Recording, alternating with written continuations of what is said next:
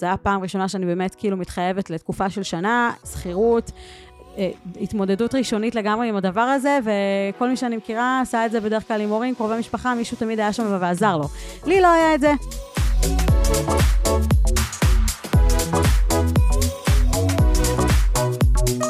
אז ברוכים הבאים לעוד פרק בפודקאסט שלי. היום אנחנו הולכים לדבר על המכירה הראשונה שלי, כמה צפוי, אין מה לעשות, אה, זה מה שאני עושה היום, מתעסקת עם המכירות, ואני רוצה לדבר דווקא על, אה, על המכירה הראשונה שלי כשלא הייתי מוכרת.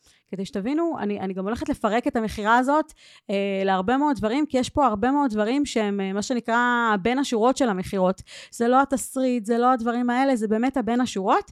אני רוצה לדבר על הדירה הראשונה שהזכרתי. אה, כמו שאתם זוכרים מהפרק הקודם, אה, אה, לא היה לי באמת גב, לא הורים, לא שום דבר, אה, ועשיתי את זה לגמרי לבד. אה, זה היה אחרי הצבא, גיל 20, בחיפה.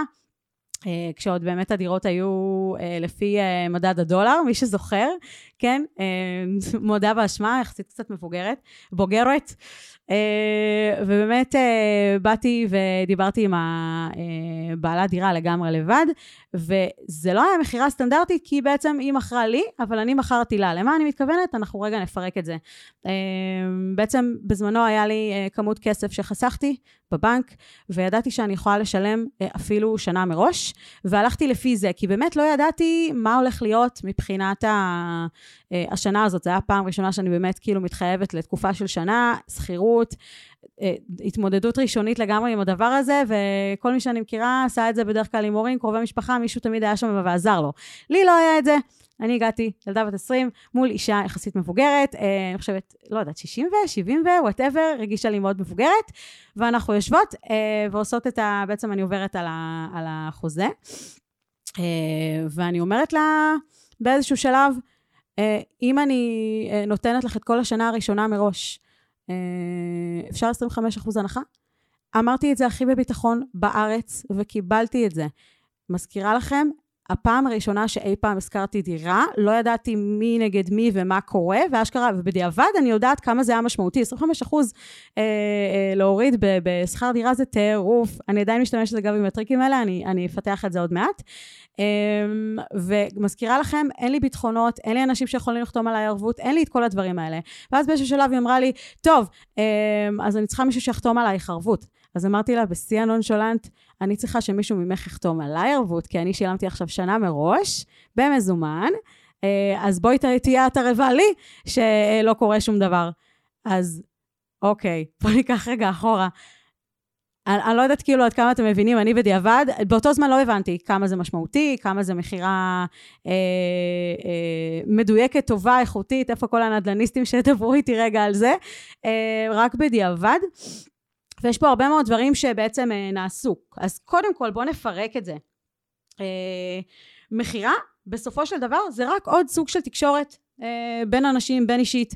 בסדר? וזה מה שהיה פה. היה פה איזושהי אה, תקשורת. אני ידעתי באותו רגע שאני לא מקבלת לא, שאין מצב שאני מקבלת לא, כי האלטרנטיבה הייתה שלא יהיה לי בית. כשאני אומרת שלא יהיה לי בית, אני מתכוונת לגור ברחוב.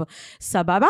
אז נכנסתי לשיחה הזאת בידיעה ש... אה, אני לא יכולה לקבל על זה לא. אמ, אז זה דבר ראשון.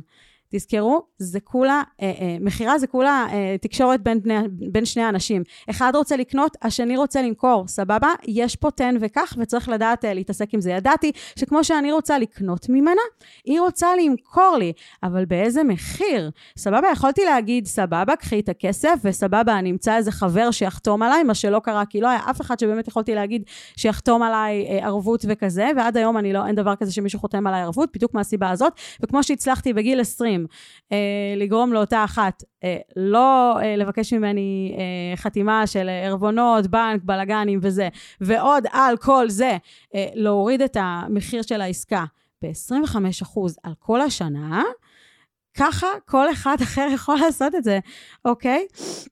אמ, אז בואו רגע נפרק את זה. אז בעצם אמרנו אה, שיש לנו פה תקשורת, תקשורת בין בני אדם. הצ, צד אחד רוצה לקנות כמו שהצד השני רוצה למכור, אנחנו רק צריכים להבין מה בדיוק הבן אדם השני צריך. סבבה? זה בכל מכירה. אני הייתי צריכה בית, היא הייתה צריכה כנראה מאוד למכור את הבית, מאוד מאוד למכור, מאוד uh, להשכיר את הבית. בסדר? ואני קלטתי את זה, אז תקלטו בבין אישי מה קורה. Um, תמיד תיתנו שתי אופציות. אה, הצד השני אה, באמת אה, אה, יחליט מבין שתי האופציות. זאת אומרת, אני לא אומרת לו, זה או איקס כסף או ביי, אלא זה או איקס כסף, או שאפשר חבילה אה, אה, שהיא אחרת, שהיא ככה וככה וככה. סבבה? ההחלטה צריכה להיות בין אה, אה, מוצר אחד שלי לבין מוצר אחר שלי, אולי יותר זול, אולי יותר יקר, whatever. זו ההחלטה שצריכה להיות לו. לא בין, אה, ביני לבין מישהו אחר. סבבה? הנה עוד משהו על, על אה, מכירות. תקשיבו למה שנאמר בין השורות. זה לא הכל במילים, בסדר? היא מן הסתם לא אמרה לי, אני לחוצה להשכיר את הדירה. אני הבנתי את זה מבין השורות, מה, מהשפת גוף שלה, מכל הדברים האלה, ובמקביל, אני כמובן הייתי חייבת דירה. אז יש פה גם את הרצון שלנו בתור מוכרים, אה, לא לקבל לא. מה זה לא? כאילו, אני אומרת את זה כי עד היום אני משתמשת בזה. אם החלטתי שהבן אדם בצד השני הולך לקנות, הוא הולך לקנות. יש פה איזשהו mindset מסוים שהגיע אליי עוד מאז. אמ, תפתחו מערכת יחסים, אני יודעת שזה נדוש, אבל זה נכון, אין מה לעשות. אתם לא רק מוכרים ובזה זה נגמר. יש פה איזה מסע לקוח. אם היא לא הייתה מתייחסת אליי לאורך השנה הזאת, כמו שהייתי צריכה, על דברים מסוימים שהייתי צריכה בבית, אה, כשהתקלקל לי משהו במקרר, כש, כשהיה איזשהו אה, אה, משהו לתקן, מזגן, לא יודעת מה, אני כנראה לא הייתי ממשיכה לגור שם עוד שנה. בסדר? יש פה איזה עניין עם, עם, עם, אה, עם אה, מערכות יחסים. אני מדברת על זה הרבה ב, ב, בכל מה שקשור ל, אה, לסטודיואים, אבל בכלל, אנשים רק רוצים שתתייחסו אליהם. לא תתייחסו אליהם, אין להם סיבה להישאר איתכם, ו, והם פשוט יחפשו אצל המתחרים שלכם. אז שימו לב לזה, זה שימור לקוחות. כריזמה וביטחון מנצח הכל תמיד. אני בטוחה שכמה שהרגשתי לחוצה מהשיחה הזאת, והרגשתי סופר לחוצה, שידרתי כריזמה, שידרתי ביטחון, שידרתי, נכון, אני ילדה בת 20, אבל וואלה, אני לא מוכנה לקבל לא, ויש פה כמה דברים ש, שהעסקה הזאת חייבת, אה, חייבת לעבור בהם. ואם זה לא יעבור, אני אדאג שזה יעבור, ולא מעניין אותי, בסדר? Uh, זה קרה נטו כי הייתי כריזמטית.